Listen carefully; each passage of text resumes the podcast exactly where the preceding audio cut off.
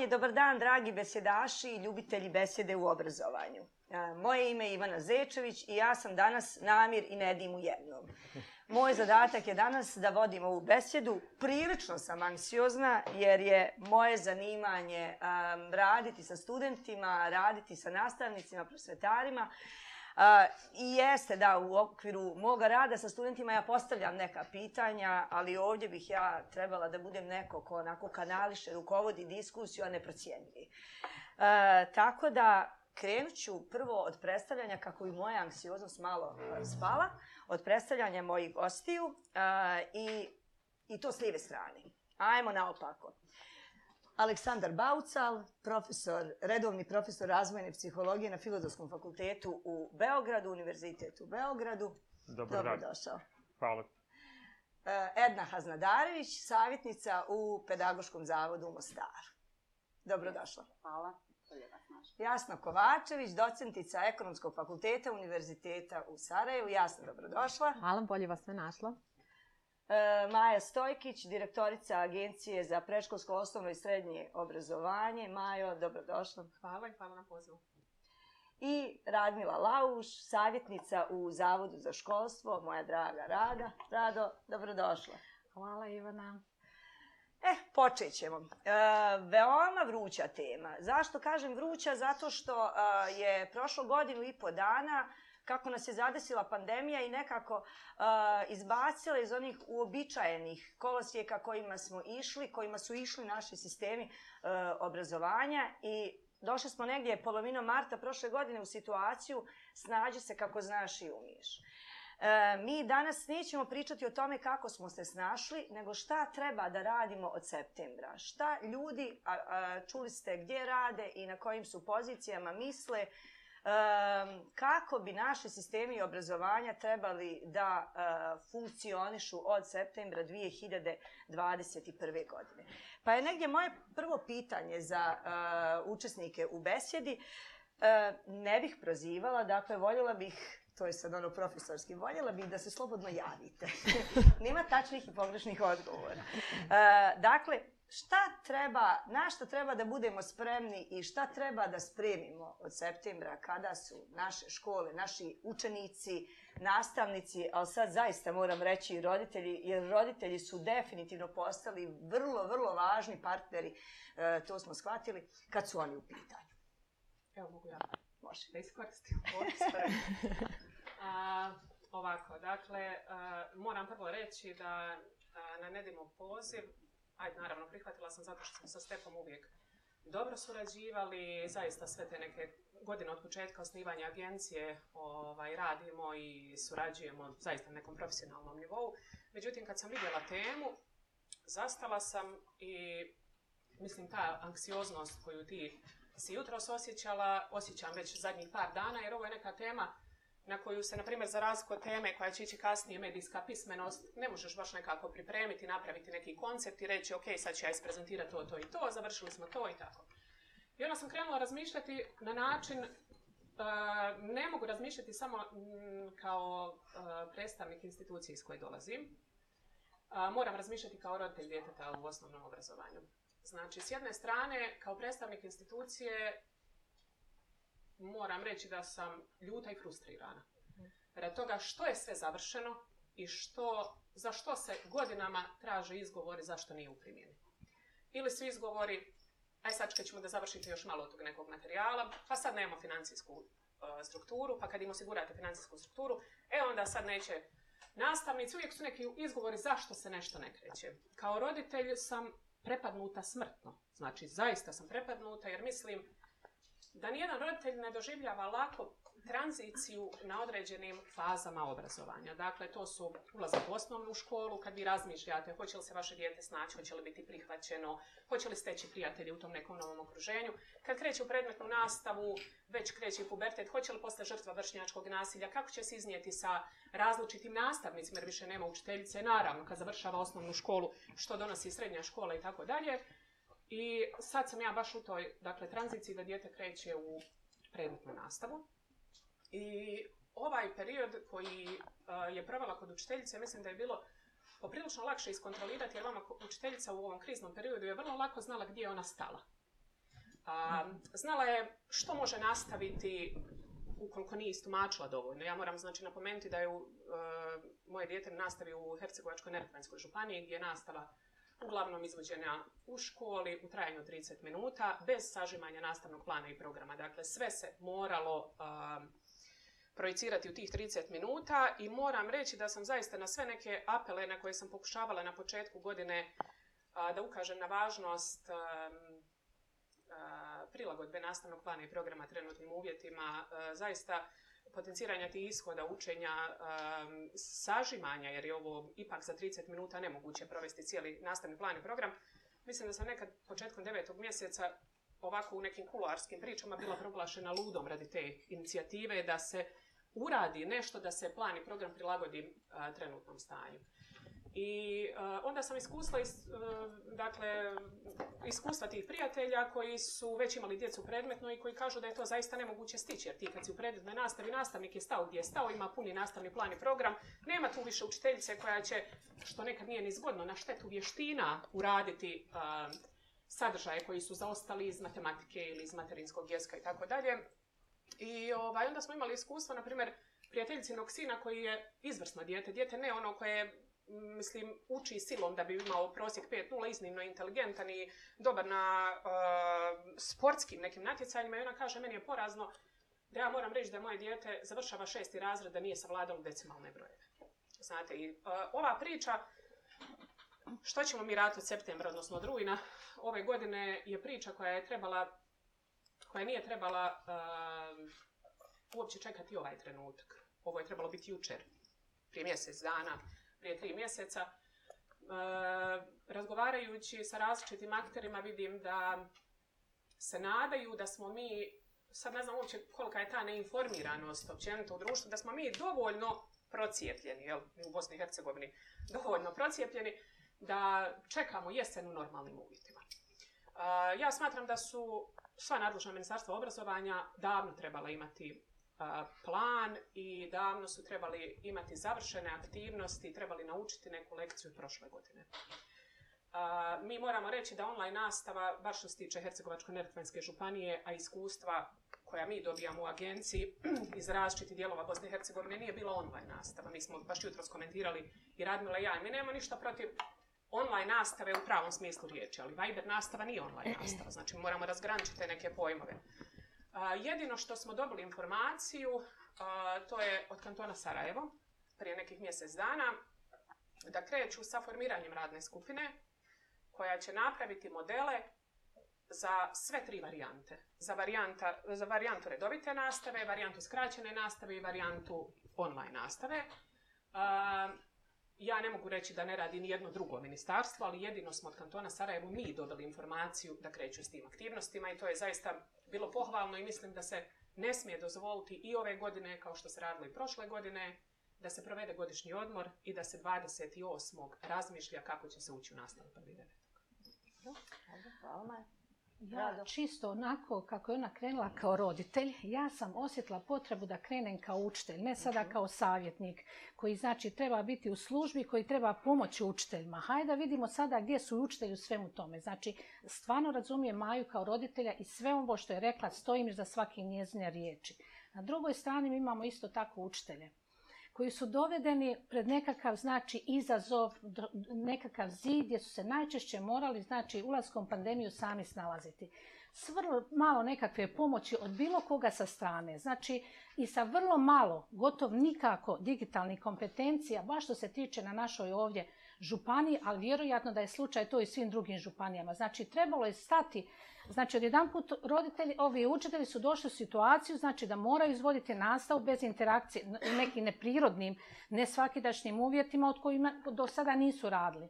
Znači, moram izvoditi nastavu bez interakcije s djece, djece e, bez ičije pomoći, nemam neke digitalne sposobnosti da se i odazovem, da je čak bila neka uh, ajmo reći, kvalitetna organizirana online nastava. Znači, zaista su se učitelji snalazili kako su znali i umjeli, pa nekakva i komunikacija u početku, razumijem ono, na kraju one nastavne godine, neka je bila i preko Vibera i e-maila i telefona i bilo kakav način, samo bilo kakav kontakt ali nekako svima je bilo važno u tom periodu, ajde, kako će se nadoknaditi, kako će se odvratiti nastavni sadržaj, kako se mogu nastavni sadržaj urati, znači možda samo učite ako nema kontakta nikakvog i nikakve organizirane, sustavne nekakvog rješenja, kako mogu, znači mogu biti prebaciti odgovornost da roditelj budu kao što su bili učitelji, mogu nekakve informacije slati učitelji, preko Vibera, aha, uradite to i to, onda se stvarno pitamo što će nam jeli učitelj, znači da se mogu djeca sama snalaziti.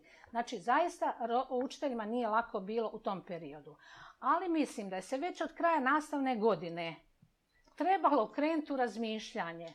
Prvo, ja kao pojedinac imam odgovornost i moram preuzeti svoju odgovornost, izići iz nekakve zone komfora, da tražim nekakva rješenja od nekoga, od sustava, jer nam ga neće tako brzo dati. Nisu nam dali ni za ovo neko dugo vrijeme koje imamo. Ne daju, znači mi nemamo nekakvog sustavnog rješenja i da se ja mogu osloniti na to. Znači, e, morali smo nekako krenuti svatko od sebe. Što ja kao učitelj mogu i kako pripremiti se do devetog.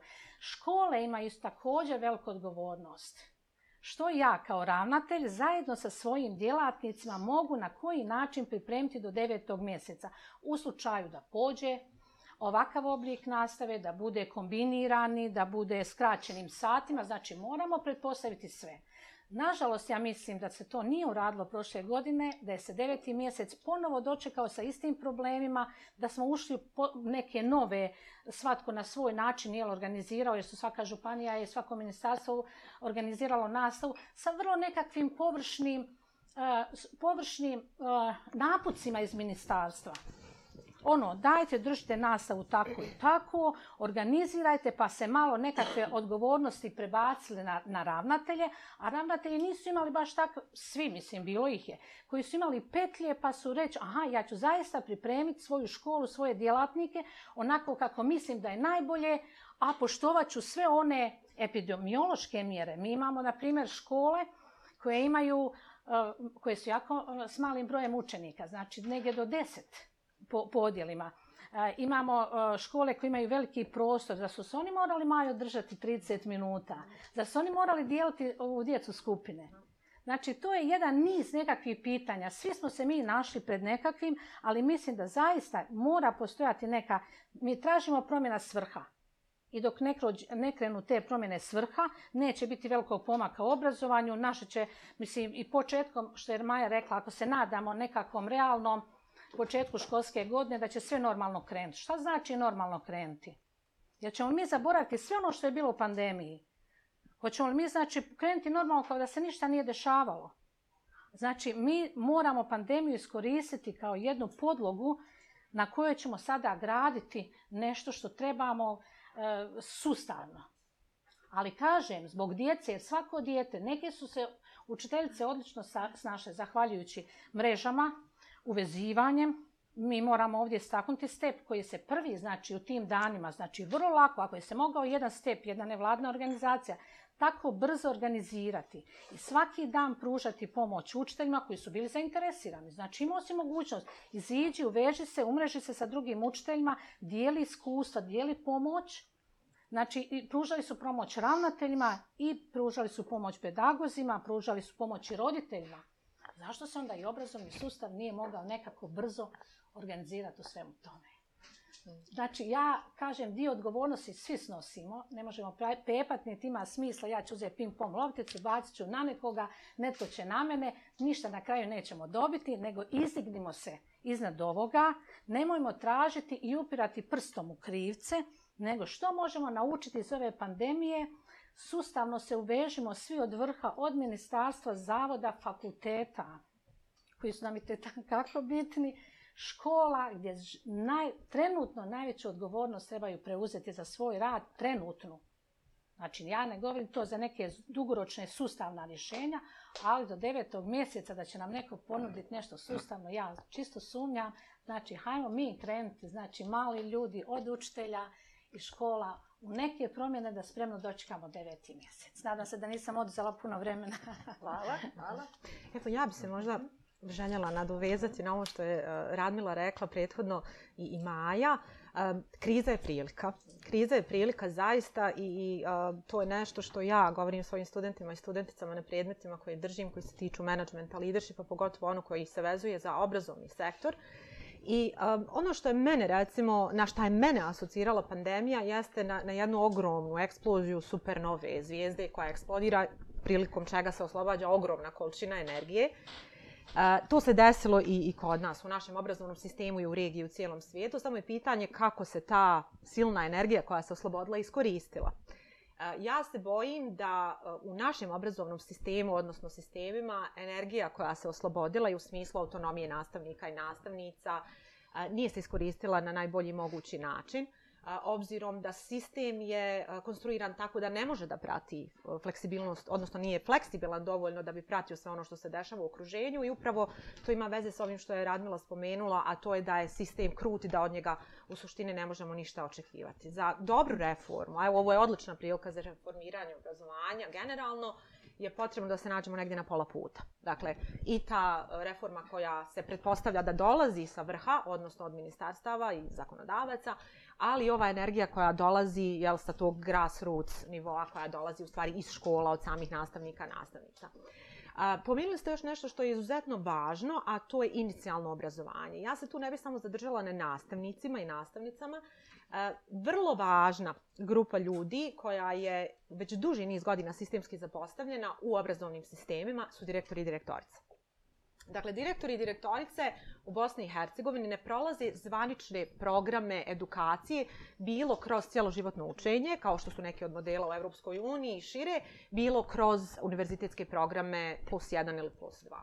I u tom kontekstu mi se suočavamo sa situacijom da direktori i direktorice vrlo često koji dolaze iz nastavničke profesije, Hvataju se u koštac sa školskim problemima koji zaista jesu kompleksni jer škole jesu kompleksne organizacije koji pokušavaju da balansiraju sa više različitih interesnih grupa, koji imaju konfliktne ciljeve, konfliktne motive.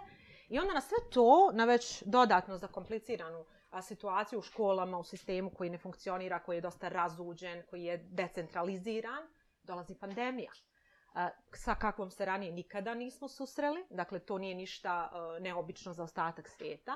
Svi se suočavamo sa istim problemima, škole su se širom svijeta zatvarale i tu se postavlja ogroman izazov pred direktori i direktorice, a šta sad? Dakle, ova kriza se razlikuje od kriza koje susrećemo na školskim hodnicima. Ova se kriza razlikuje od poplava, razlikuje se od potresa, jer imamo taj neki, vidimo, nazire se kraj. Mi pandemiju još uvijek ne naziremo kraj. Mi nismo, kao što Maja kaže, dovoljno procijepljeni da se možemo vratiti normalnom životu šta god to jeste. I suočavamo se sa E, ogromnom količinom neizvjesnosti još uvijek.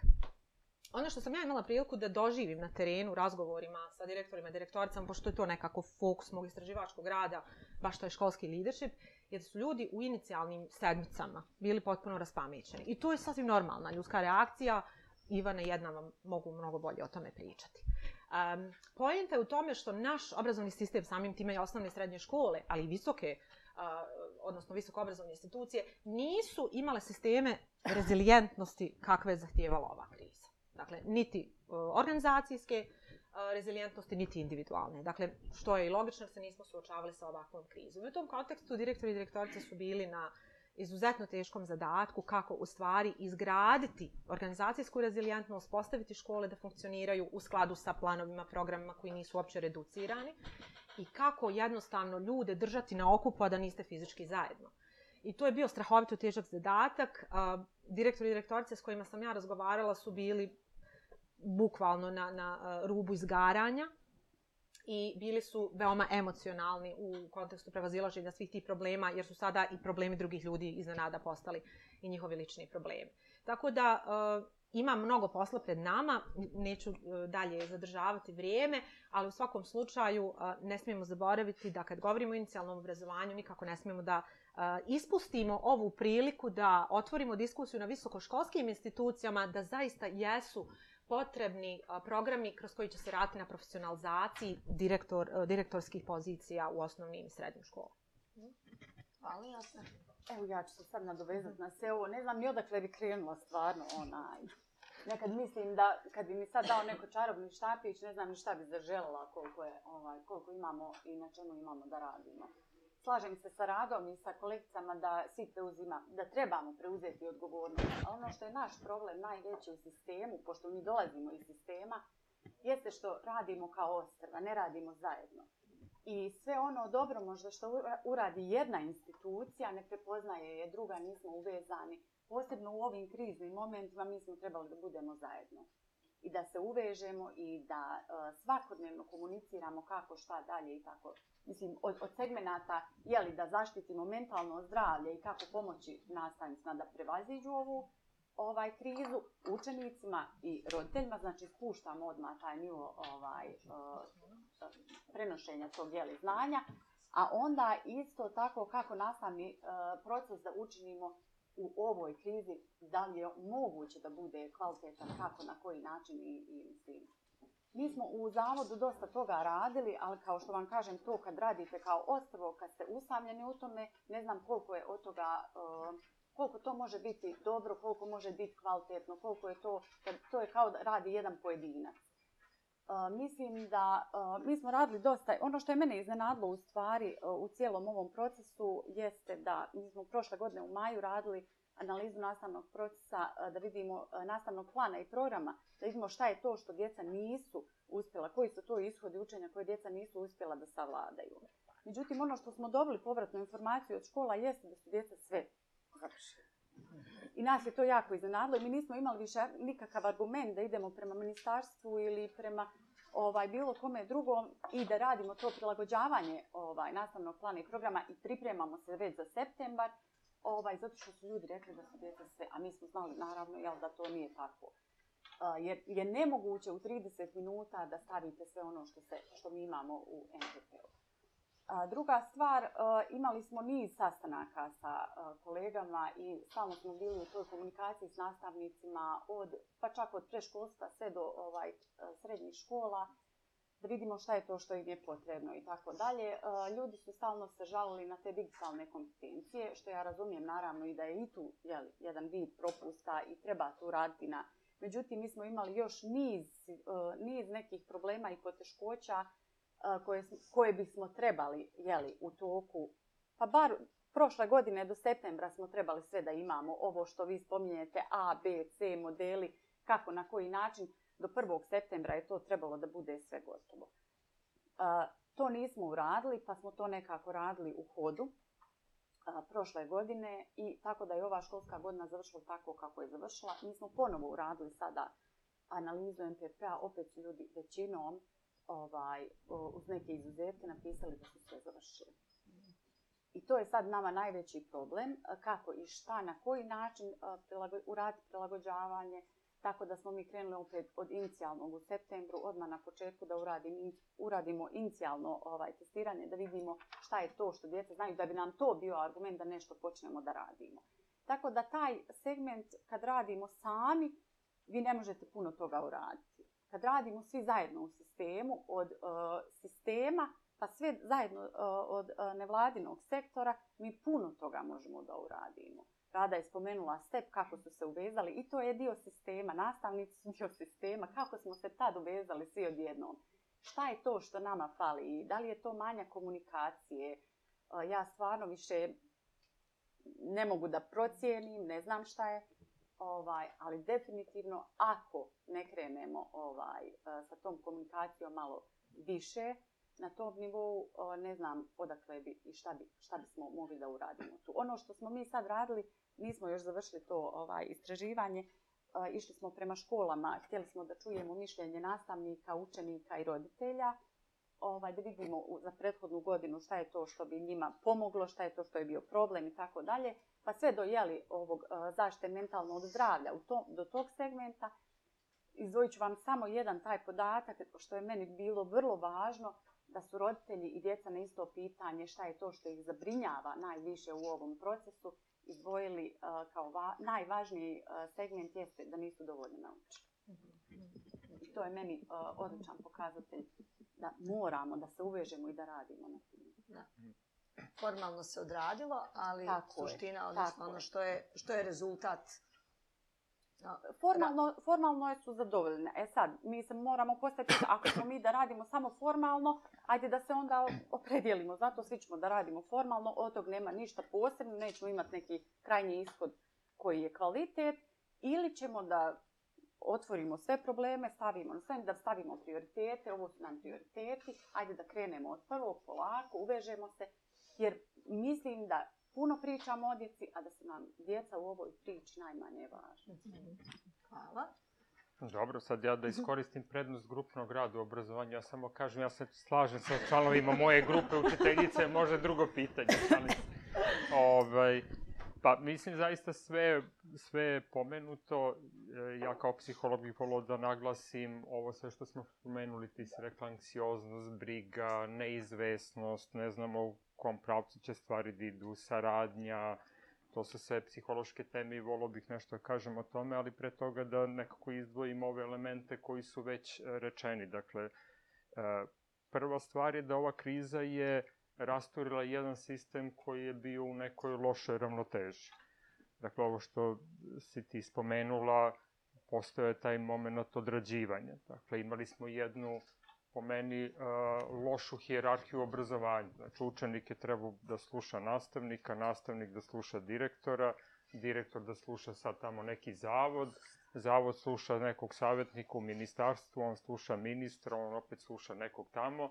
I sad, uh, i to je bila situacija u kojoj se u kojoj je ona inercija tradicionalnog obrazovanja bila dobra jer je obezbeđivala makar na toj površini da se neke stvari dešavaju i da mi imamo uh, ovu, ovaj utisak, pa dobro, evo, dete mi se probudi, malo gunđa, ode u školu, tamo 45 minuta sedi, vrati se, opet gunđa, radi domaći, vade to nešto ozbiljno, vidim da se muči, donese neke ocene i taj sistem se kotrljao. I ovo je odlična prilika što se on sada šokirao. I sad postoji jedan prostor za neku promenu. Ali postoji potencijal da se sve vrati na to isto, zato što kad smo svi izmoreni, onda bi nam godilo da se vratimo u neku poznatost. I nemamo baš neki kapacitet sad za neko eksperimentisanje. E sad se tu pojavljuje u stvari pametno upravljanje obrazovanjem, ovo što smo svi spomenuli, vi ste rekli, nastavnik ima svoju odgovornost, ali onda on kaže, ali ja ne mogu sam. Onda, ne znam, Maja je rekla, sistem mora da se pripremi. Vi ste rekli, direktor, jer sad direktor zaista jeste u tom organizacionom smislu, uh, kao menadžer tima. Dakle, on je taj koji tu zajednicu treba nekako da mobiliše, da poveže, da usmeri a, i svi treba da sarađuju. E sad tu treba pripremiti do septembra uslove da mi iskoristimo ovaj potencijal da sledeća godina bude u stvari neka eksperimentalna godina u kojoj će se sada isprobavati. Znači, bez nekog pritiska da će ljudi da greše. Jer sasvim sigurno ova situacija nam pruža mogućnost da se rasteretimo uh, sad rezultatima, šta će deca naučiti, koliko će naučiti, to je važno, nego da kažemo, pa dobro, kad su već takve situacije, ajde da vidimo da li možemo da malo transformišemo ono što je postojalo, ali da bi se to desilo, mora da se obrne ova piramida moći. Znači, sad bi trebao ministar da bude u podrška savjetnicima, savjetnici da budu podrška pedagogičnom mhm. zavodu, zavodi direktorima i nastavnicima da bi nastavnici mogli da budu podrška učenicima. Tu je vrlo važan plan i program i on mora da se rastereti. Znači, meni je bilo interesantno prošle godine, kao što je Maja rekla, prvo izašao je u Srbiji plan i program za nešto se baš i nazvalo se potpuno blesavo, nešto, ne mogu da ponovim, uh, nastavni plan i program za varedne situacije, ne znam, nešto ono kao poplave i tako, zemljotrese. Mislim, ima neki dugačak tri reda naslov. I sad, ok, ja sam to ovaj, uzeo prvo, ok, kasno je ta poslednja nedelja, ali kad vi pogledate, tada je, recimo, srpski jezik i književnost sva, 144 časa koliko postoji po redovnom programu, to je natačkano, napisano je šta se radi na svakom času, u tom trenutku je bilo vrlo jasno da barem trećina časova se neće održati, bilo zato što su skraćeni časovi, bilo zato što učenici koji su ona polovina online, oni realno ne rade ništa. Dakle, to je već bio si, e, pokazatelj da onaj ko upravlja sistemom kao da nije u kontaktu sa realnošćem. Dakle, ovo je sjajna prilika, mi kažemo daj sada skrati na trećinu program. Znači, ako hoćemo da ljudi eksperimentišu, da isprobamo nešto novo, skrati na trećinu. Plus mi moramo to da skraćujemo jer znamo da, bez obzira što oni kažu da su sve uradili, ali to vam je u stvari znak ove hjerarhije u sistemu. Nastavnik kaže, gde da napišem da nisam uradio sve, otkud ja znam, sad, e, vi ste fina osoba i sigurno biste prihvatili te rezultate kao znak realnosti, ali nastavnik kaže, otkud ja znam, možda će neko pročita moj izveštaj pa ćemo da imamo nevolje. I onda ljudi kreiraju jednu lažnu realnost. Dakle, Znamo također da se nije sve obavilo u godini i to, znači učenici nisu naučili sve što treba. Dakle, sledeća godina ne može da počne kao normalna godina, jer ne postoje preduslovi čak i da se pravi, pravimo da učenici nešto nauče, pa u sledećem razredu to nastave. Čak kad se tako pravimo, znači ako od ovoga nisu naučili sve što treba, oni ne mogu da počnu, recimo, šesti razred po starom programu. Taj program za šesti razred sad mora da bude neki program, koji će napraviti neki gemišt od tog pola četvrtog, petog i šestog.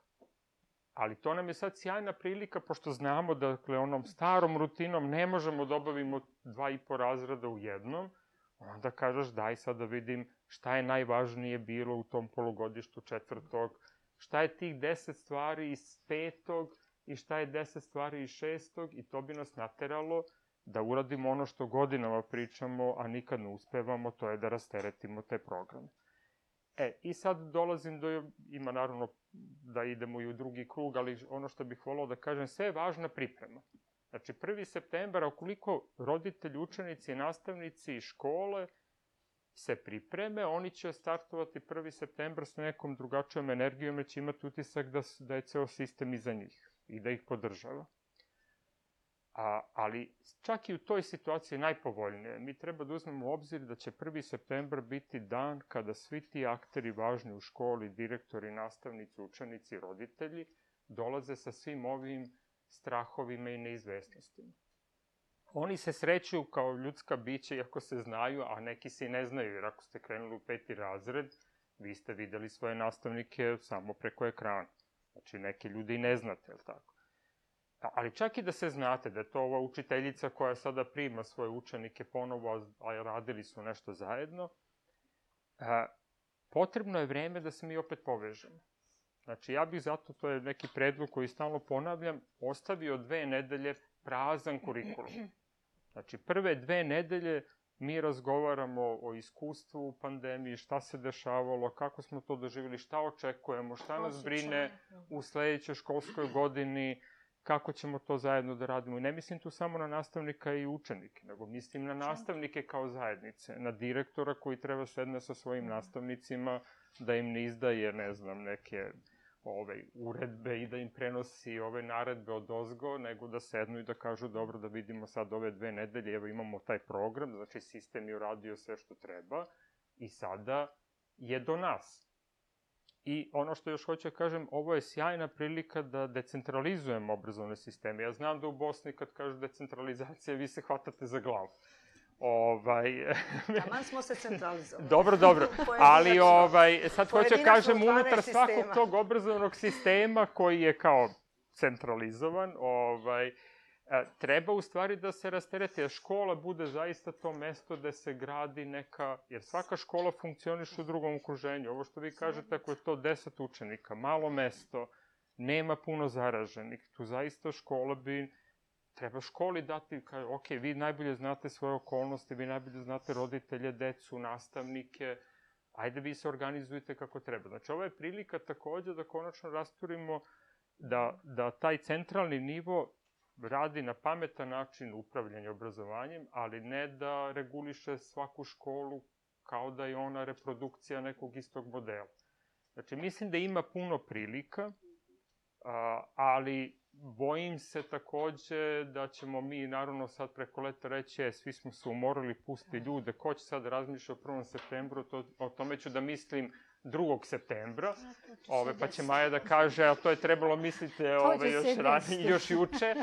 Ove, ovaj, I bojim se da onda ako tako uđemo rastureni, nepripremljeni, da će onda da se u stvari pojačuju sve ove naše tendencije da rutinizujemo stvari, jer u rutini se osjećamo ipak sigurnije, zaštićeno, to nam je nešto poznato. Eto, to mi je neka briga da li će to biti posljednja propuštena prilika u našim obrazovnim sistemima, mislim da neće ali nadam se to da možda može da se desi da ovo bude prva prilika kad smo iskoristili neku nezgodu. Dobro, hvala. Ja sad moram nekako da, da ono, napravim neku blagu sintezu kako bismo prešli na sljedeće pitanje. Negdje, uh, negdje mi zaista nije bilo ugodno. Ovo mi je kao retraumatizacija. Jer kao roditelj djece osnovne i srednje škole slušam vas i, i ponovo proživljavam ovih godinu i po dana. Iz pozicije roditelja. Jel da se vratim na, na Maju, prvu sagovornicu. Ali e, na šta sve moramo da mislimo? I nekako je, e, nekako je intuitivno krenula priča od, od mentalnog zdravlja. A, a čini mi se da u našim obrazovnim sistemima je mentalno zdravlje negdje postavljeno sa strane. Apsolutno nemamo, mi ne poznamo priču o ljudskim resursima unutar obrazovnog sistema. Postoje ljudski resursi i taj HR, kako ga zovu, jeli, u bankama, u nekim velikim firmama, ali nekako kad je škola kao zajednica u pitanju, to je na ovim prostorima prilično nepoznata priča. I uh, Evo kad smo pomenuli naš dragi Step, Step je uh, u toku pandemije, odnosno u toku onog perioda izolacije brinu o mentalnom zdravlju uh, nastavnika. Radili smo uh, radionice online koje su se bavile mentalnim zdravljem, stresom, sagorjevanjem i tako dalje. Ja moram da priznam, bili smo ultra popularni u regionu. Jel? Uh, i, I tad smo dobili silu uh, informacija o tome kako se osjećaju ljudi koji budu izbačeni iz zone komfora, iz rutine koju ste vrlo često često pominjali, e, a pritome nekompetentni, apsolutno nekompetentni, jer nikada nisu obrazovani da, da rade u tom digitalnom svijetu. E, znamo da je sagorjevanje nešto što dolazi i kod ljudi koji su kompetentni, ukoliko se preopterete. A definitivno su nastavnici bili preopterećeni. I učitelji, i učenici, i, i roditelji. A zamislimo sada tek ljude koji nisu kompetentni. Na koj, kolikom brzinom je kod njih došlo do, do sagorijevanja. Um, I neka naša istraživanja koja smo provodili uh, na, na, na području Bosne i Hercegovine tiču se mentalnog zdravlja, pokazivala su da, da nivo stresa raste i da se sagorjevanje dešava sve više od maja prošle godine do mm. septembra prošle godine. Ljudi su bili prestrašeni uh, E, u augustu su bili jako prestrašeni jer im niko nije rekao kako će da rade od 1. septembra. Jel? E, I zato negdje je vrlo bitno da, da, da ne napravimo tu grešku. Jeste, trebali smo juče, ali hajmo danas ili hajmo sutra nešto uraditi za njih. Ali ono što ovaj, nekako, e, nekako mene ovaj, prilično straši, to je ta neka potreba za jasnom strukturom i ti rigidni nastavni planovi i programi. Uh, Uh, jedan samo podatak iz jednog obrazovnog sistema u našoj Bosni i Hercegovini gdje su se početkom septembra udružili učitelji i poslali dopis uh, pedagoškom zavodu da žele da svi uniformno izvode časove, da se napravi ono, i napravili su jasan plan kako treba, šta da se uči iz maternjeg jezika, iz matematike, prirode i društva. Uh, zašto? Ja sam sigurna ne zbog toga što ljudi ne znaju uh, da to nije moguće. Uh, nego zato što su osjetili potrebu da budu um, da budu nekako zaštićeni, da budu sigurni. Jer ono kao, ajmo, daj, dajte nam jasnu strukturu, pa da se makar u toj jasnoj strukturi uh, držimo.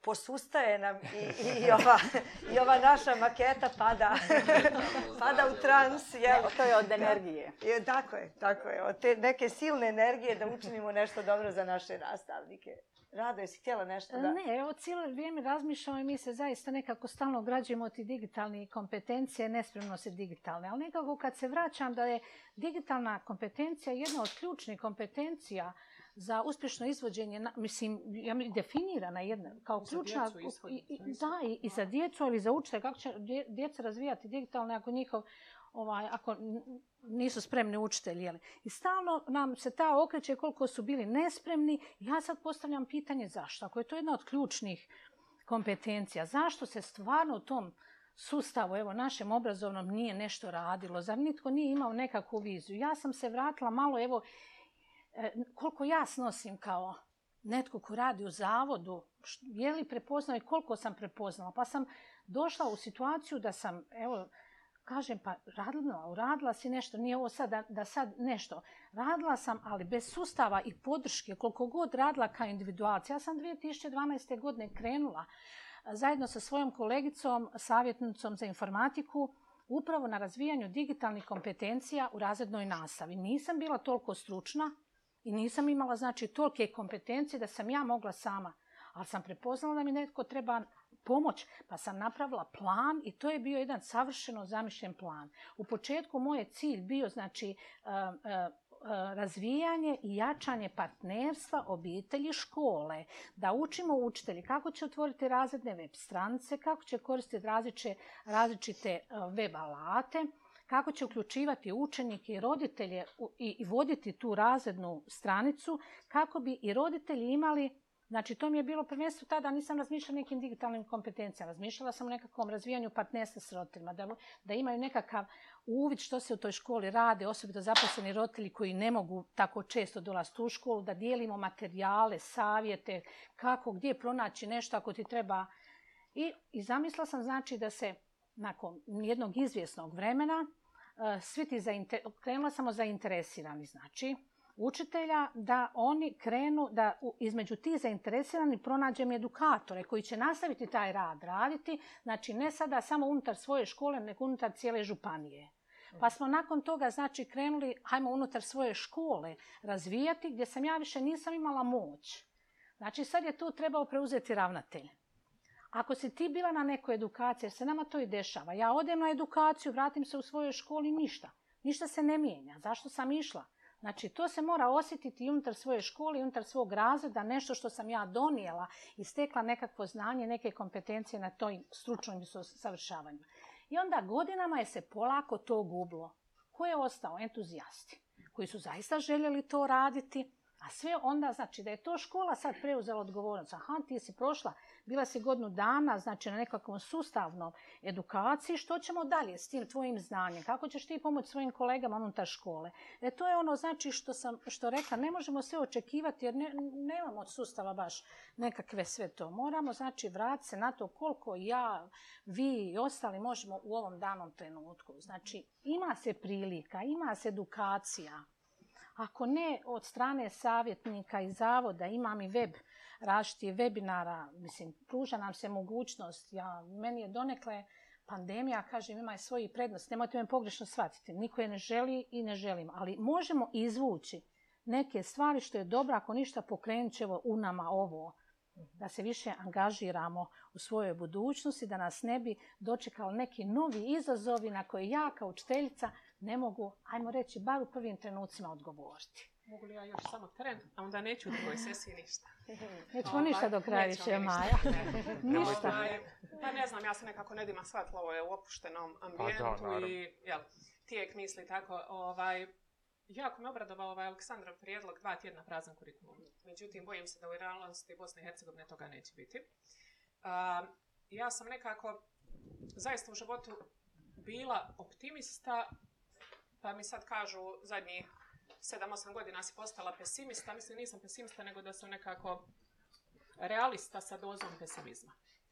ovaj, e, znate kako, e, nekako kad slušate na televiziji koliki je vanjski dug Bosne i Hercegovine, kakva je financijska situacija, a vi ne radite u Ministarstvu financija trezora. Vama to uđe kroz jednu uko, kroz drugu izađe i to nije informacija koja vas mnogo dira i dotiče. Međutim, kad ste u procesu obrazovanja, toliko uh, i kad ste potpuno svjesni kakve odluke se trebaju donijeti, što je urađeno i što treba uraditi, naravno da kao čovjeka i pojedinca u tom sustavu jako boli i uh, s vremenom ta bol pređe u tu neku frustraciju.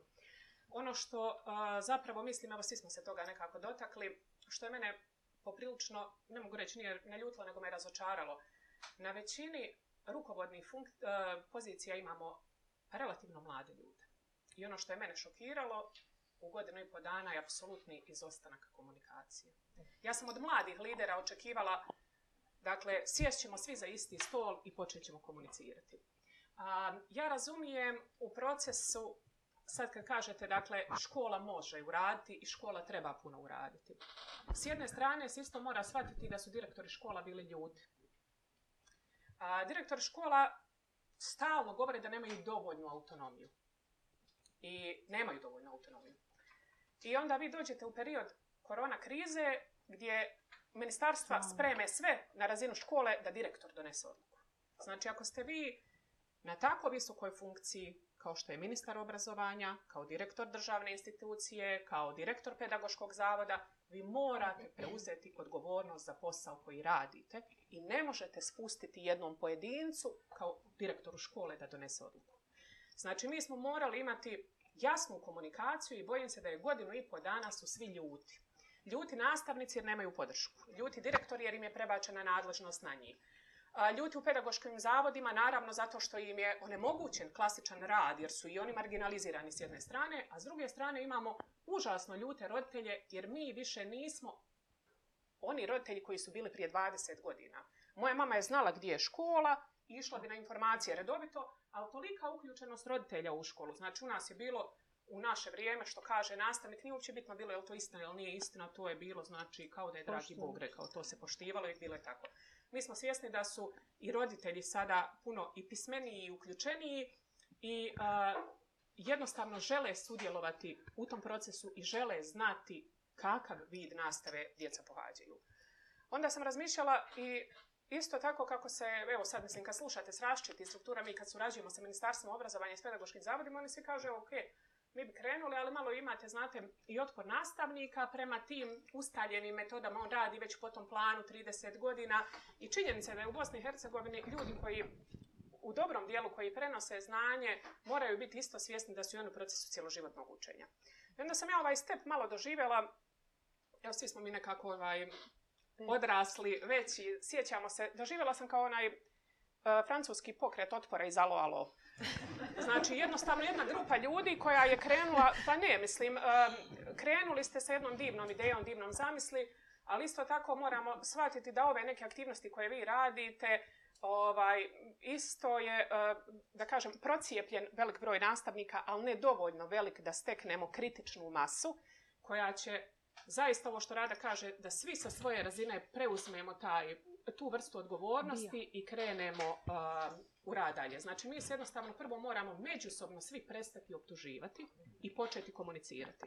Mi smo jako zamjerili iz pozicije agencije što nismo bili uključeni u rad kriznih stožera. Jer kažu, na primjer, mi smo uključili federalno ministarstvo obrazovanja, znate, mi smo njih zvali, na moj poziv, zašto nismo uključeni, Mi smo njih zvali, oni su rekli da nisu nadležni. U redu, rekao, nismo ni mi nadležni. Ali prva stvar koju sam rekla kad sam počela raditi u instituciju u kojoj radim, nikad ni na jedan dopis nećete odgovoriti mi nismo nadležni, nego ćete ljudima pokušati dati rješenje i usmjeriti ih na adresu koja može dati bilo kakav odgovor. To mi je pravo ono, sustav javne uprave, nismo nadležan, skini ga z dnevnog reda, on više nije moj i završi priču. Ja rek u redu, mi isto nismo nadležni. Ja razumijem da nismo nadležni, ali mislim da smo više mogli dati doprinosa u nekim preporukama nego ministar graditeljstva, ministar za, ne znam sad, cestovni promet, za infrastrukturu, komunikaciju i ostalo. Znači, mogli smo dati neki doprinos i mogli smo biti jedan od onih sudionika procesa koji bi e, dao nešto konstruktivno iz te materije kad su se donosile određene odluke. Znači, mi moramo shvatiti da smo svi u ovom procesu pričali, da radimo svi u najboljom interesu djeteta. Na kraju su sve mjere bile, uro, znači, urotile se protiv te iste djece. Tako da mislim da zapravo svi, prva i osnovna stvar, žao mi je što je prošlo godinu i pol, da a, svi od vrha kuće, znači moramo shvatiti važnost komunikacije i nedopustivo je da bilo koji sudionik u procesu kaže, da kaže ministar ili da kaže direktor zavoda, ja ne želim komunicirati sa roditeljima, sa svima moraš komunicirati. Sa svima se mora komunicirati, jer dokle god komuniciramo i imamo, znači mi se ne moramo složiti danas ovdje, ali smo odrasli ljudi, saslušat ćemo jedne druge, uvrst ćemo, možda nekog volim ili ne volim, ali to ne znači da mu nije ideja odlična. Znači, sjesti jedino ćemo na taj način moći pribaviti neki set dobrih ideja koji možemo od devetog mjeseca okrenuti i producirati dalje. Netko ja mora i pokrenuti ta. Da, da.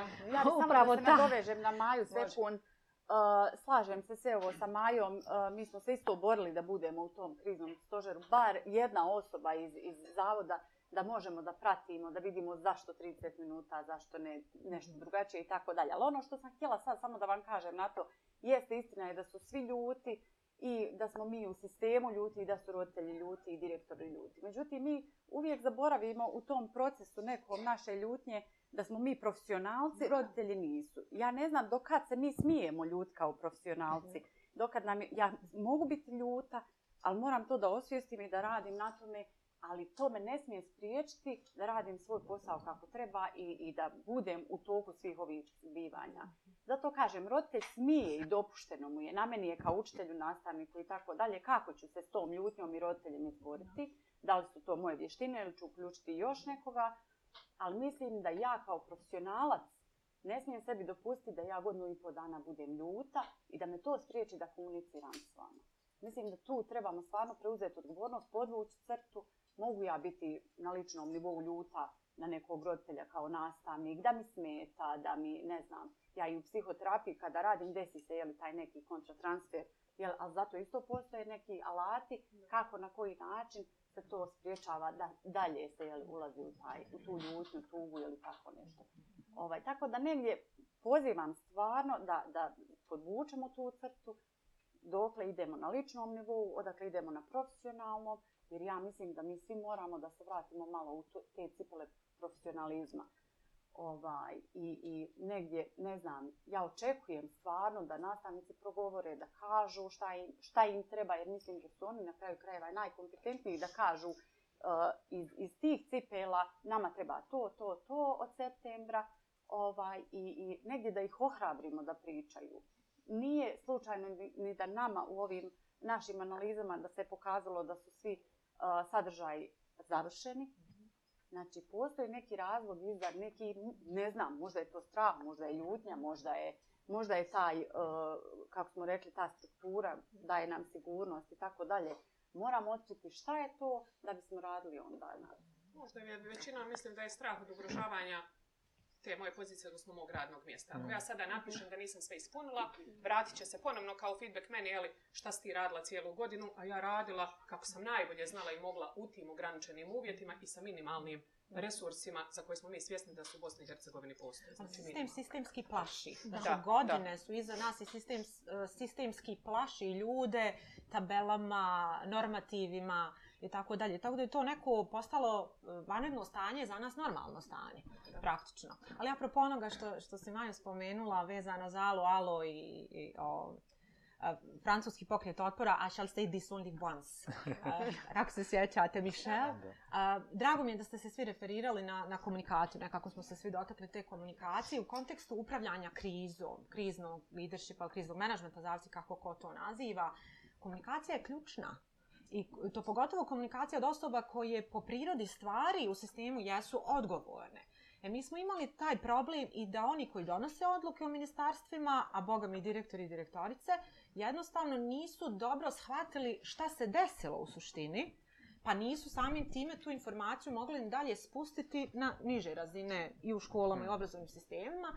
I o, zapravo jedna od ključnih uloga lidera, liderica u, u obrazovnom sistemu, kako god, bez obzira na samu hierarhiju, upravo ta obaveza da oni sami za sebe u stvari uvide smisa u situaciji u kojoj smo se našli i da pomognu ljudima da jednostavno ljudi shvate u čemu se nalaze i šta je potrebno, apropo saradnje, uh, da se napravi kako bismo izgradili rezilijentni kolektiv koji će na kraju krajeva izvršiti adaptaciju nastavnog plana i programa, suziti tematske cijeline, omogućiti djeci da, naravno roditeljima, da e, što, neću reći bezbolnije, ali uh, uz manje trauma prođu kroz, kroz ovaj proces. Ali, nažalost, to se nije desilo i bojim se da uh, jedan od ključnijih, u stvari, uh, momenta na kojima treba raditi od septembra jeste, u stvari, pokušati unaprijediti tu komunikaciju, kako vertikalnu, tako i lateralnu.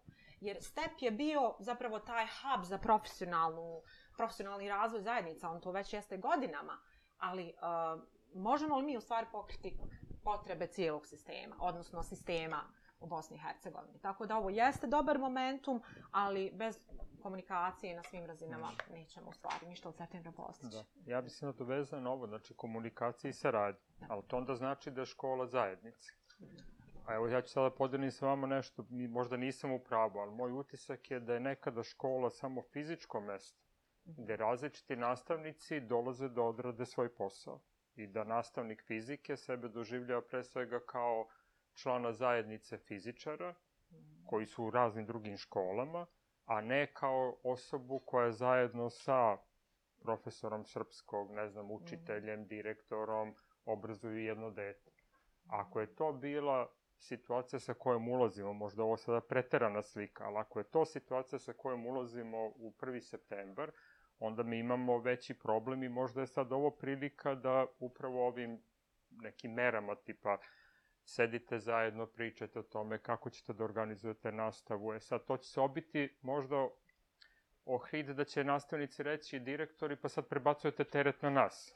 Do sad nas nikad ništa niste pitali, a kad zagusti, vi nas pitate, ali onda bi trebalo da ide obećanje da ta autonomija koju smo sada morali prisilno da im damo, jer nije isto škola koja ima hiljad učenika u centru Beograda i koja je prepunjena, dakle, konar, dakle, tu su upisivali učenike iako ne imaju fizički mesto, i školu u nekom manjem mestu gde možda imate 20 učenika u odeljenju, škola je velika, nekada je građena za, ne znam, 600 učenika, sad ima 300.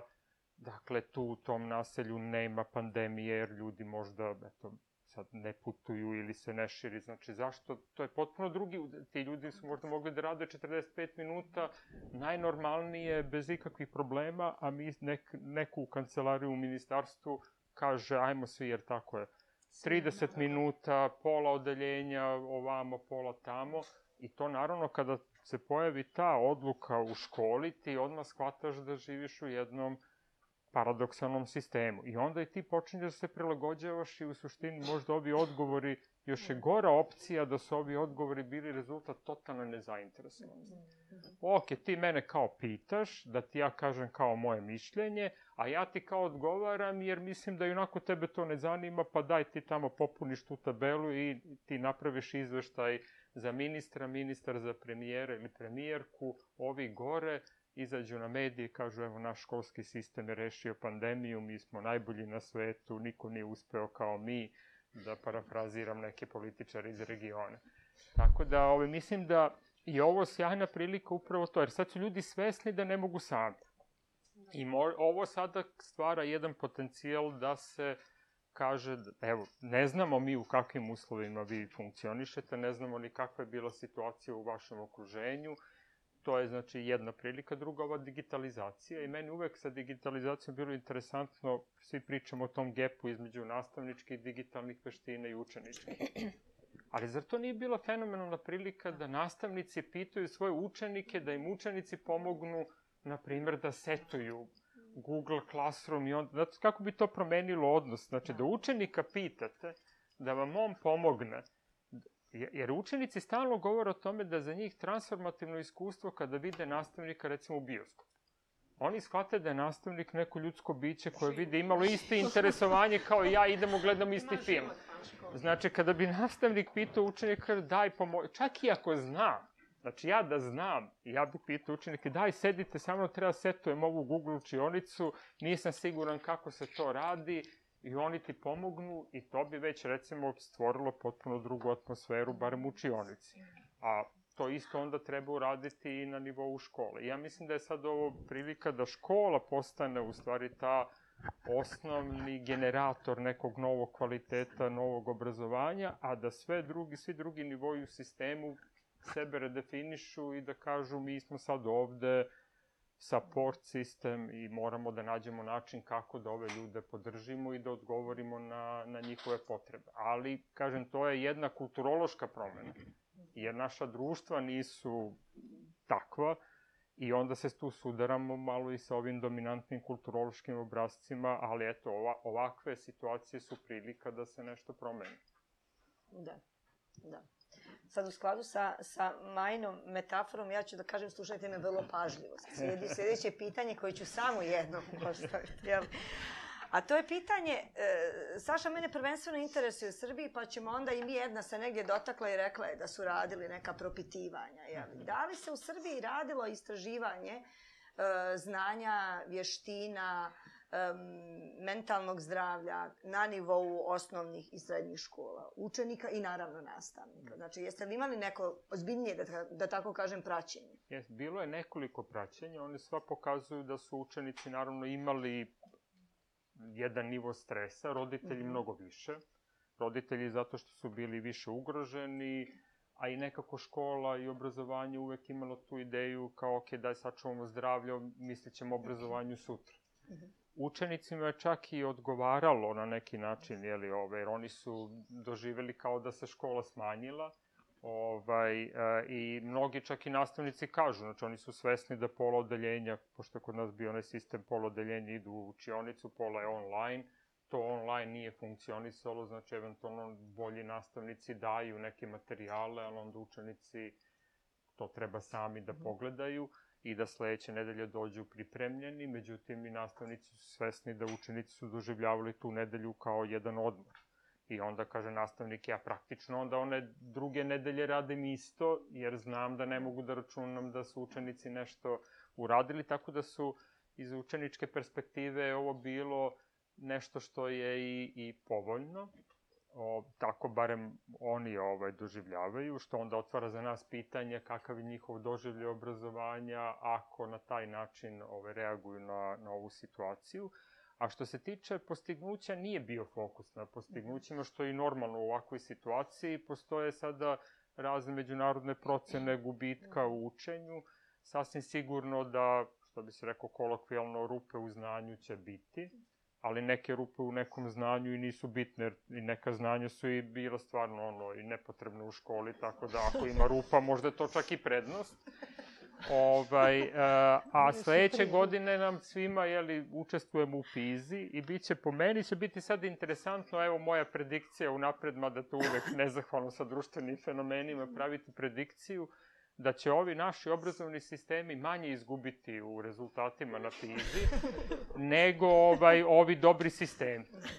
I ovaj i eto sad to će onda da nam otvori veliko pitanje onda šta je kvalitet obrazovanja ako u ovakvoj disrupciji mi nismo u stvari izgubili postignuća. Onda će to da postavi pitanje al da li uopšte da li ovo što mi radimo, znači sve ova ogromna energija ljudi koji idu tamo rad u učionici, učenici koji provode vreme u učionici, čitav ovaj sistem koji smo pričali, koji nešto razmišlja, generiše neka rešenja, što bi rekao Paja Patak, komplikovano je, a izgleda da ničemu i ne služi.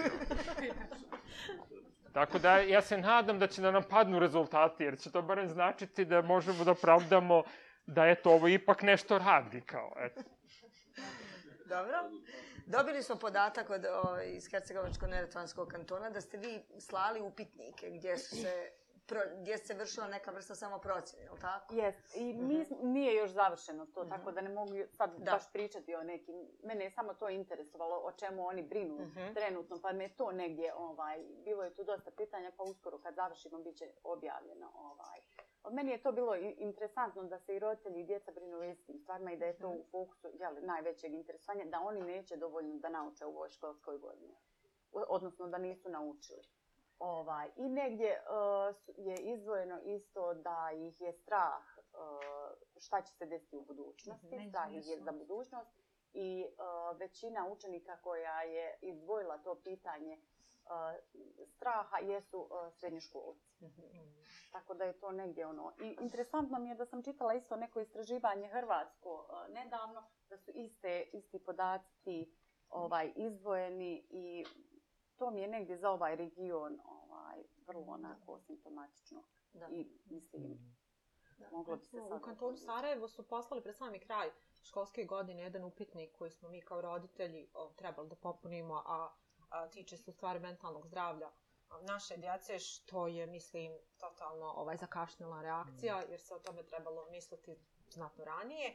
Ja sam sa kolegom s fakulteta, na samom početku pandemije smo radili jedno istraživanje među nastavnicima, u stvari iz regiona, celog našeg regiona, i upravo jedna baterija pitanja odnosila se i na mentalno zdravlje. Ono što je interesantno, to je naravno uh, karakteristika jedne krize ovakvih gabarita, ona na površinu izbaci sve društvene anomalije koje postoje učini kao neka lupa još vidljivijim, pošto je e, kolektiv u osnovnim srednjim školama predominantno ženski kolektiv, mi smo u stvari vidjeli da u odgovorima na ta pitanja, odnosno primijetili smo taj obrazac da su nastavnice, odnosno učiteljice, zaista bile pod ogromnim opterećenjem, zato što je sada vaš javni prostor odjednom prebačan sve u privatnu sferu. Tako da ste vi morali da balansirate između škole i djece, vaše vlastite, ali i svojih obaveza. Tako da tu smo primijetili, recimo, kod odgovora da postoji statistički značajna razlika između nivoa stresa koje su osjećale, recimo, žene, zbog tog tereta neplaćenog rada i skrbi u obitelji generalno, i s druge strane razlike kod profesora, odnosno nastavnika, koji možda nisu u tolikoj mjeri osjetili taj teret. Tako da nastavnice učiteljice jesu iskazale zaista bojazan za svoje mentalno zdravlje, imale su manje vremena za sebe, pogotovo kad je bio strogi lockdown, niste nigdje mogli izaći niti sa djecom, niti vi. Tako da to definitivno se odražava na mentalno zdravlje. Mislim da bi ovu rodnu perspektivu trebalo uzeti u obzir mm -hmm i kod planiranja kriza, jer se sličan teret a, tog a, neplaćenog rada pokazao recimo za vrijeme epidemije a, ebole i zike. Ali mi smo propustili da iskoristimo u stvari te poruke iz sistema gdje se dešavale, gdje su se dešavale te epidemije i ovdje gdje smo osjetili u stvari na vlastnoj koži da zapravo dominantna ženska populacija u određenoj djelatnosti može biti značajno više izložena negativnim aspektima pandemije. Ja samo da se nadovežem kako je kolegica moja jedna rekla, kaže ja ne znam stvarno zašto moj muž toliko kao krizira sad ovo u pandemiji, kaže ja sve stiže. Po kojoj cijeni? Nije navika. Nije ni nama za... muškarcima bilo lako, ne znam u čemu. Tako tako je. Pa multitasking je više yes. ženska jeli, karakteristika. Ali ono što je meni, na primjer, bilo vrlo uh, interesantno posmatrati jeste na, na ovim prostorima duži niz godina na, tematika slavlja je obrazovni sistem. Kad god se okupi familija i, i onako neki komšinluk, nekako se dođe do, do obrazovanja i komentarisanja kako to nastavnici rade. Uh, E sad, su nasta, sad je nastavnički rad postao transparentni. Sad je, sad je ono, i uža, ali nekada i šira porodica bila o, uključena u nastavni proces. Ja sam imala jednu, sad da napravim malu ekskurziju, jednu situaciju kad mi je tetka postavila pitanje nakon moga predavanja, kad sam ja pitala studente ima li ko sad šta da pita, radili smo nešto, kaže ima moja tetka, ali se stidi. tetka se negdje našla u socioemocionalnom razvoju, pa htjela da pita, može li se nešto popraviti. Ovaj, uh, I, i, I vrlo često smo, ono, znamo slušati uh, jako loše komentare ljudi koji se ne razumiju u proces obrazovanja, nastavu i tako dalje, šta znači vaspitavati i obrazovati dijete.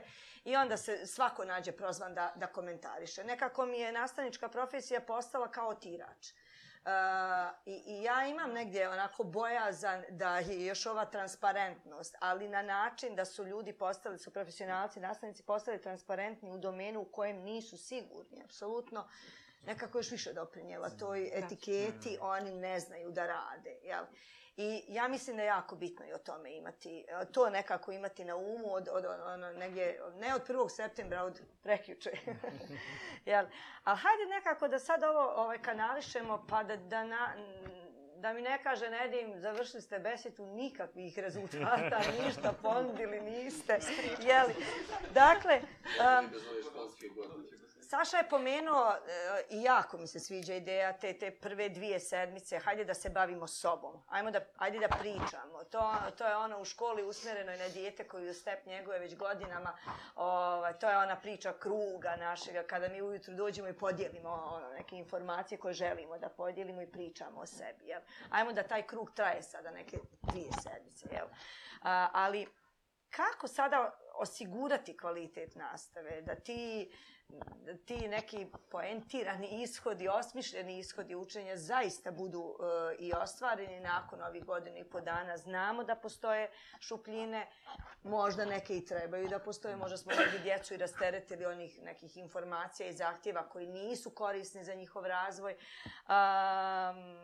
kak, kakav pristup bismo mogli, imate li ideje? kakav pristup bismo mogli da zauzmemo da, da, da se osigura kakav takav kvalitet i da djeca na kraju krajeva od sljedeće školske godine ne, ne počnu, ono, ne, ne budu ubačena u ovaj, jeli, 45 minuta traje čas MPP, zadati mm. ishodi nastavne jedinice, ove, ovaj, kao da se ništa, puj pike ne važi, ono, ništa se nije dešavalo prethodnih godina i po dana. A pa meni se čini to mm -hmm. pitanje kvaliteta je jako važno. Mm -hmm. I pogotovo zato što mi kuburimo sa kvalitetom generalno kad gledate. Dakle, nama ni kvalitet nije dovoljno visok da se pojave ni velike nepravednosti u obrazovanju, iako i ove koje sad postoje su velike. Ali kad bi se unapredio kvalitet, verovatno bi još više suočili s tim da različita deca nemaju ista, iste mogućnosti. Ali mislim da fokus treba da bude na transformaciji neke dominantne prakse. I onda to vam je kao kada hoćete sad, na primjer, da promenite u nekom futbolskom klubu potpuno taktiku. Dakle, vi u početku treba budete fokusirani na transformaciju. A posle, i da se, ako ste dobro osmislili, taj novi model treba da generiše ovaj, kvantni skok u kvalitetu. Mhm. Ali, dakle, sad je za nas pitanje da li hoćemo da idemo utabanim stazama, ili hoćemo da iskoristimo ovu priliku da zaista transformišemo tu dominantnu praksu. Baš pre ovog panela smo pričali, u Srbiji 20 godina imamo reformu. Vi kad pogledate, učionica se nije promenila.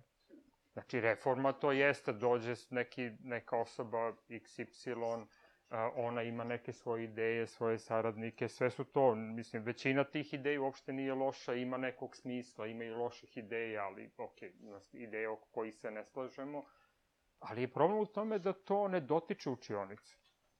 Dakle, to ovaj, da kažem, pokret otpora. Ja mislim da većina nastavnika sada kad dođe neka fenomenalna ideja i reforma, znači sada dobijem, da dobijemo Nobelovca koji dobije Nobelovu nagradu za reformu koja može se sprovede u godini dana i da odjedan put svi procvetaju, budu srećni u toj školi, rado idu u školu, mi bismo imali problem s implementacijom, jer bi svaki nastavnik rekao, evo ga još jedan veoma inspirisan, samo treba se pravi mrta dve, tri godine i on će otići. Znači, ja čak i da, da, da to kad se sprovede, da nije ni teško da se sprovede, da bi nastavnici bili presrećni sad sa svojim profesionalnim identitetom, da dobiju tu, tu, tu neko, to neko poštovanje od roditelja i kao profesije, ja mislim da bi oni to sada kao pokret otpora doživjeli kao novu okupaciju koju treba nekako izvrdati. Dakle, mi imamo, ovo je sad neka situacija gde možda može da se ta, sve ono što sa čim smo ušli, ti problemi nekako ovaj, reše. A što se tiče ishoda, sad zavise, ako su ishodi definisani kao sadržaj, onda, znači, mi ćemo njih izgubiti kad smanjimo program. Je tako? Ako stavite 100 činjenica, a sad ste stavili 50, nema šanse da bude isti ishod. Tako? Samo što mi svi znamo da ti ishodi sadržinski su irelevantni oni se zaborave.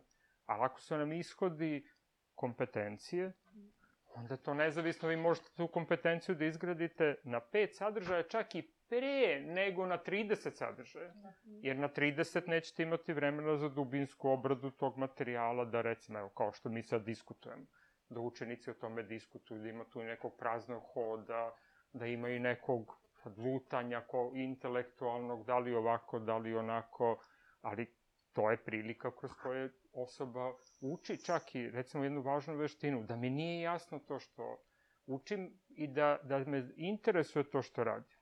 Pazite, to je ogromna novina da učenik u školi radi nešto što mu nije smor. Mi, mi, nažalost, nama su problemi bazični. Dakle, mi imamo učenike koji odu u školu i njih to ne zanima. Znači, oni to doživljavaju kao odrađivanje. Kao sad sam u školi pet sati, a onda poslije imam slobodno vreme. Život je ovo posle škole čini mi se da, da eto, ovo jeste prilika, ove dve nedelje, smanjivanje programa, orijentacija na drugačiji način rada, više na neke ove, kompetencije opštije, na osobu, znači da učenici unesu svoje iskustva iz korone, da u život uđe u tu učionicu, znači ono da učenik shvati da u učionici može da priča, evo, korona zašto se korona nuseli u matematiku, ima tamo divnih, ono, u srednjoj školi uče funkcije. Mhm. Mogu lepo, ima ono, kad pogledate na svim sajtovima imate zemlje i pogledate njihove funkcije, to su razne funkcije. Mhm. Dakle, ajde pričamo o tome, onda geografija, gde je počelo, kako se širilo, istorija, pandemija, kroz civil... Znači, možemo da učenicima pokažemo da to što oni uče u školi, ima neke veze sa njihovim iskustvom. Ovo što se sada dešava jeste da učenik dođe u školu i uči nešto što je nastavniku važno, a nastavniku je to važno zato što je važno njegovom profesoru na fakultetu, koji je napravio program i rekao tom nastavniku da to treba učenik da uči. I to nema šanse da, da znači u tom modelu, ja mislim da nema šanse do, dobiti kvalitet. Da, i baš na taj način je na, ponovno znači, uradio ono što je nama postavljeno u ishodima trenutno, znači da djete kroz različite teme, evo bila to tema korone ili ne znam, prvog svjetskog rata, naučio je razmišljati, analizirati, komunicirati i predlagati rješenje. A to je ono što je bitno. Dakle, i moram se nadovezati na Aleksandra i ovo međunarodne istraživanja. Mi smo nekako Mislim, vješti da od svake neprilike tražimo da iskoristimo priliku i bojim se da će ova međunarodna istraživanja, sva koja se sada budu odvijala, a, znači pokazati da mi nismo puno lošiji nego što smo inače loši, jel? I da će to biti izgovor da kažemo, aha, evo, pogledaj naš taj sustav obrazovanja i nije tako loš, mi smo skroz malo pali. Nema veze što smo mi ispod ljestvice, ali mi smo skroz malo pali, pogledaj Luksemburg, on je otišao. Jer mi I ako sačekamo još malo, oni će pasti ispod da. nas. ako sačekamo, ovo je dobra, ova korona je pokazala da je to dobra metoda, sačekajćemo još malo. Znači, mi smo zaista na, na različitim međunarodnim susretima ovaj, vidjeli da svi imamo nekako iste probleme. Samo je razlika, naravno, da će čovjek biti više nasekiran iz Luksemburga kad on zna koliko je uložio u obrazovanje, a ovaj, kod nas je to nekako tako s tim živiš, to si naslijedio, bio si u tom procesu obrazovanja, radio si, sad imaš sljedeće nasljednike koji su sudionici u tome istom i mi smo nekako baš navikli ovako, ne znam, vegetirati i baš od neprilike super, haj sad baš da vidimo rezultate pize, aha, tu smo mi u pet bodova, ali gledaj njih, pali su 50. Znači, naše valja i mi ćemo prebaciti dalje. Ja zaista mislim da se treba krenuti na ishode, da trebamo a, rasteretiti. Nadam se da je ovo sada korona ispustila zaista znanja koja su bila nebitna. Bojim se da je u nekim dijelovima ispustila i bitna znanja. I ono što ja stalno ponavljam je da razumijem kad ljudi kažu pogledajte naše dijete kad ode vanje na natjecanju. Ali pogledajte vi koji je to postotak djece koji ode vani na natjecanje. To znači nije 70%, to je jedan učenik iz Bosne i Hercegovine koji se plasirao na nekom natjecanju, da mi kažemo, evo vidite što oni pričaju, naše djece koje dodu vani su super. Mhm. Mi trebamo prestati učiti za pitanja o kvizovima Laze Goluže. Znači, mi, mi jednostavno, mi znamo silu, ja kad se sjetim mog znanja, znači iz osnovne škole, mi smo znali koja rijeka prolazi, ne znam, zapadnim dijelom Zimbabvea i morali smo znati u šta se ulijeva. To uopće ni za što nije bilo relevantno u našem, znači, obrazovanju kasnije. I ono što ja kažem, puno ljudi za koje smo mi smatrali da su nepismeniji, su naravno imali priliku da koji zanima taj Zimbabve iz evropskih zemalja, ode dole pa istraži.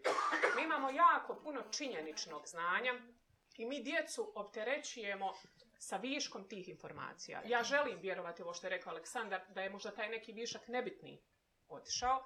I želim vjerovati da u devetom mjesecu zaista niko neće krenuti kao da je evo različito u Bosni i Hercegovini 31.5., 7. 6. ili 11. 6. ili 18. 6. nastava završila normalno, jer nije završila.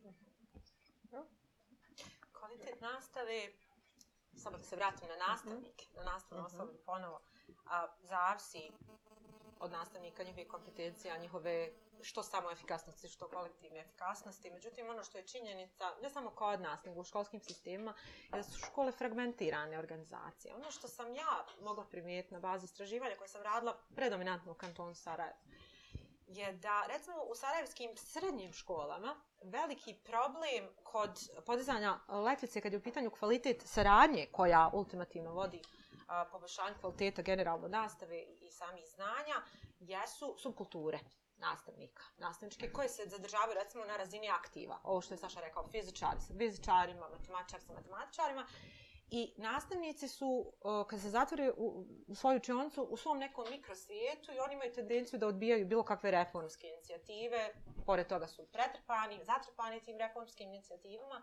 Tako da, pored uh, priče o ishodima, pored priče o um, aktualizaciji sadržaja, nastavnih sadržaja, mislim da se mora taj aspekt saradnje, odnosno interdisciplinarnosti više e, forsirati kada govorimo o reformama, jednostavno ljude natjerati da izađu iz tih svojih mikrosvjetova, jer STEP je jedna priča, zajednica inovativnih nastavnika je jedna priča. To je zaseban mikrosvijet koji može stvoriti određeni momentum i dovesti do stvaranja kritične mase. Uh, ali to mora isto tako sistem inicirati da se u stvari upravo ove inicijative i sami škola i politike sretnu negdje na, na pola puta. Bojim se, na osnovu i mojih istraživačkih iskustava, onoga što sam vidjela u kantonu Sarajeva i u drugim kantonima i u Bosni i Hercegovini generalno, je da sistem i nastavnici ne pričaju istim jezicima. I da tu treba prevodilac. I da tu u stvari mi trebamo naći neki zajednički jezik i a, pokušati u stvari da na taj način adresiramo ova goruća pitanja koja nas čekaju od septembra, ali o, koja će vjerovatno zahtijevati duži vremenski period da se na njih nađe odgovor. E? Ovaj, ono što, što bi ja sad istakla, evo kolegice su dosta toga rekle, ali a, mi treba da prestanemo, da se plašimo, da, za, da zastanemo i da ne trčimo kroz nastavni plan i program. Da zastanemo i da se vratimo i kažemo ovo nisu djeca naučila, ja imam pravo da ostanem tu na tom mjestu dok oni to ne savladaju. Ako im je to znanje potrebno za, narednu, za naredni period, ako je prelazak iz petog u šesti i ne znam ovaj. Ako taj ishod koji je njemu važan, ako ja to procjenim kao nastavnik, niko to meni ne može zabraniti. I tu treba eh, nastavnicima uh, dati nekako, ohrabriti ih. U stvari, one to mogu, ali negdje su kao preplašeni da to rade unutar svoj, svoja četiri zida. I negdje stvarno pozivam evo, da u septembru, a fokusirat ću se na septembar, a mi smo ovdje otvorili puno tih tema koje su vezane i za reformu i ne znam, saradnju roditelja, ovaj, ali mislim da u septembru ne smijemo, ne smijemo krenuti dalje dok ne vidimo gdje su djeca, da se vratimo i da je to potpuno u redu da ne mhm. smijemo protrčati ponovo kroz nastavni plan i program, jer djeca vjerovatno imaju puno tih rupa koje su im važne da bi išli u ovaj i rasli dalje u, u naredni period. Ono što je vezano, samo sam htjela malo prije da kažem, ovaj, vezano za saradnju sa roditeljima i tu neku sada transparentnost kako to rade ovaj nastavnici i tako dalje. I negdje se zaista dalo svima za pravo da ovaj, pričaju o nastavničkoj uh, struci. Ja tu isto pozivam i nastavnike i nas sve koji su u sistemu, da negdje moramo da naučimo tu granicu. Saradnja sa roditeljima, partnerstvo sa roditeljima je jako važno, ali ono ima granice. Ne, možu, ne mogu se, niti mi smijemo dopustiti sada svima da se miješaju i govore ovaj na nastavničku profesiju. Naravno da u nastavničkoj profesiji mi imamo izuzetno kvalitetnih nastavnika koji su u ovoj pandemiji uradili fantastične stvari, a ima i oni koji su to bili mnogo manje od tih fantastičnih, ali okej. Okay. Mhm. Hajde da napravimo sada tu neku, jeli, ovaj, da, da, da vidimo šta imamo sve u sistemu i kako, na koji način pomoći onima što su manje, da uradimo te vrste edukacija da bi oni bili sutra fantastični. Tako da pružimo svakom djetetu ono što zaslužuje, jer nije u redu da jedno djete ima fantastičnog nastavnika, a ovo drugo ima mhm. ovaj manje od toga. Mhm. Tako da negdje eto, u tom smjeru, samo negdje apelujem stvarno na sve. Evo, ja sam dio sistema i ja se nekad osjećam bespomoćno, mhm. ali ne želim da ostanem u toj svojoj bespomoćnosti jer nemam pravo na to, niti luksus. Hajde da vidimo šta zajedno možemo da radimo od septembra, da, za, da se zaustavimo, vratimo unazad i da vidimo odakle nam djeca trebaju dalje da krenu. Hvala jedna. Slavno. Evo, pa ništa, nešto posebno, što jedna kaže, negdje se izgubio taj profesionalizam. Uh mhm. -huh. Ne znam gdje se zakazao, od koje je zakazao, jednostavno sve to ovo što si ti rekla je sve to postali su učitelji, zaista predmet razgovora svugdje. Ovaj, mhm. e, vraću se na sadržaj. Vrlo teško će učitelj izići iz tog nekakvog, ima u njemu neki strah da on mora zadovoljiti NPP, a naš NPP onakav kakav je sada. Uh -huh. I opet dolazimo bez nekakvih sustavnih promjena koji će krenuti gozgor prema dolje. Teško da ćemo mi neke osjetiti promjene. Možda ćemo osjetiti u onim učioncama, ali naše djete svako ima pravo na kvalitetno obrazovanje. Znači, ako ima kvalitetnog učitelja, ovo djete će biti kvalitetno poučavano. Ako znači ima manje kvalitetnog, opet je to znači bez sistema. Ne možemo pokrenuti te te koje su malo manje, hajmo reći, ne mogu reći nekvalitetna, ne, možda treba mu pomoć. Znači, opet taj nekakav sustav treba, e, te nekakve e, karike u lancu treba posložiti. I bez toga će teško učitelj izići te svoje komfore, komfora, jer on je tu nekako zaštićen, osjeti se, Eh, završio sam nastavni plan i program, sve sadržaje onako kako se traže od, nje, od nas. Mi ćemo vidjeti u našim analizama da naši uspjeh sadašnje djece, a ne znam jesu već maju, ste vi već imali priliku čuti od svoje učiteljice, sad će stizati u zavod, rezultati, kakva su postignuća, učenička postignuća. Neće oni puno odudarati od nekih realnih godina kada nije bilo pandemije, što nije realno, jel? Kod nas Ali ja i to ra... Amo, jel, jel, jel, jel visoki su, jel? Odlične su visoki, svake Ali... godine su frizirano da. visoki. Da. Za osnovnu e, školu, e, ako se... je prosjek 4,4, za čitavu osnovnu, to je visoko. I to je nerealno, ne samo u doba krize. Ne, ne, pa to sam rekla. Znači, to je i prije se dešavalo. Da. Ja bi sad to i razumjela da se dešava. Možda, hajmo, postreka malo djeci, pa i oni su bili pod stresom, pa zašto da i sad još i, i ocjenama, pa možda nisu imali nekakve u uvjete da kvalitetno jeli, postignute svoja postignuća. I ja bi možda dala motivaciju sada u ovoj situaciji. A što Maja kaže, nama se to dešava iz godine u godinu. Naše prosječne ocjene su sve iznad četiri, tri, pet, ne znam. I to nije realno. Zato kažem, tu puno toga ima što, što nećemo moći, ja se plašim do devetog mjeseca riješiti. Ali ako napravimo neke male po, korake, ako usmerimo učitelje da moraju malo promijeniti svoj način učenja, poučavanja, kod učenika razvijati vištine koje mu treba za 21. stoljeće, brate, da više nekasno je za svojim vršnjacima iz, iz, iz okruženja i iz drugih zemalja. Znači, jedino naš način i pristup učenja i poučavanja djecu ako oni dalje ostanu pasivni promatrači kojima će postati nastava do sada, šta će meni to, ja to mogu naći na internetu, na, na YouTube, ako mi aktivno uključimo nastavni proces, ako od tražimo da razmišlja, da kritički promišlja, da donose odluke, da sami dolaze do nekakvih istraživanja, da surađuju kod nas u školi, jako malo djece surađuju kroz nastavni proces nekako je se još uvijek u velikom postotku zadržala predavačka nastava, individualni rad. Nema neki veliki pomaka. Bez tih znači, strategija i nastavnih strategija unutar znači, nastavnog procesa, e, tu se znači Tu se dešavaju promjene. Učionce se... Da. Da. Mi smo tu razredno, znači, na, nas već godinama imamo tematsko planiranje. Ja nisam osjetila nekakve velike pomake učionci. Jeste, sve mi imamo fino tematsko planiranje, koje smo sadržaje integrirali, koja su naša ova ishodi učenja, sve lijepo, koje su strategije primjenjene, koje su aktivnosti urađene, ali kad dođete i vidite, nema, nema neki veliki pomaka unutar učionce, un, unutar tog nastavnog procesa. I mene to plaši, taj nastavni proces bez njega, znači bez, ti fin, bez tog strategija koje moramo razvijati, uz aktivno sudjelovanje učenika u nastavnom procesu nema velikih promjena. Ja bih se samo nadovezala na kolegice, ovo, kad smo spomnjali angažman roditelja a, i te školske zajednice, naravno da se mora znati granice. Ali opet se nekako vraćamo na to da ljudi, sad imamo neki dvosjekli mač medijske pismenosti. Ljudi u nedostatku informacija koje dobijaju preko službenih organa, svoje informacije traže na društvenim mrežama i na portalima, i na temelju toga razvijaju određena mišljenja i komentare i vi vidite frustracije po komentarima, tako da zapravo se opet na kraju vratimo na tu važnost komunikacije, jer vi kad dobijete točne i jasne informacije, a niste dovoljno u tome, vi ste, ako ste u procesu samo roditelj koji je, na primjer, skroz u nekoj drugoj profesiji, koji nije u nastavničkoj profesiji, vi imate onoliko informacija koje su vama uh, uh, dovoljne da ih vi možete absorbirati i koje su, trebaju biti dovoljno jasne da vi shvatite znači, što je cilj bilo čega u tom nastavnom procesu.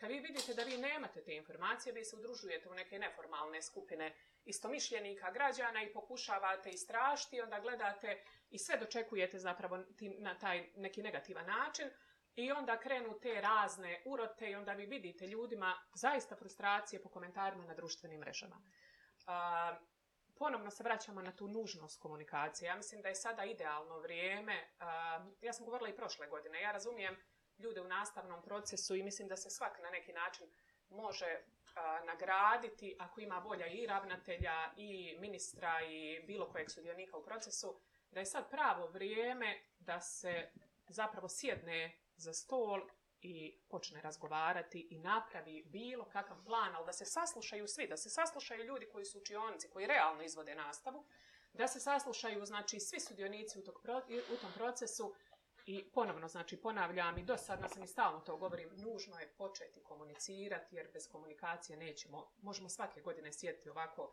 na besjedi i pričati ponovno tema šta od rujna i mi opet istu mantu vrtiti jer ako ne napravimo taj pomak, nikakav drugi da ne možemo. Bitno da. da beside idu i da ne bi neće odustati yes. od obrazovanja i od učitelja. Jasno. Dragi moji, vama beskrajno hvala na ovako inspirativnom razgovoru, na inspirativnoj besedi. Meni je stvarno bila čast voditi je i nije baš bilo nešto naporno. Nisam vas morala tjerati jel, i posticati. A, dragi gledaoci, danas ste dobili mnoštvo ideja. Danas niste dobili rješenja, jer a, ljudi koji promišljaju ne nude odmah rješenja, nego tjeraju vas da a, na osnovu različitih ideja vi sami u društvu, kako bi Maja rekla, kvalitetnom komunikacijom dolazite do onih rješenja koji su odgovarajući za vas. Dakle, ajde neka ova beseda bude podsticajna za sve one koji je gledaju, da promišljaju o tome šta od septembra i koliko mi iz svojih individualnih pozicija možemo da učinimo da našoj djeci u školama a, bude ugodnije, a da u tim ugodnim atmosferama a, njihov rast i razvoj bude adekvatno posticar. Do nekog narednog viđenja kad mi Namir i Nedim dozvole da vodim besedu.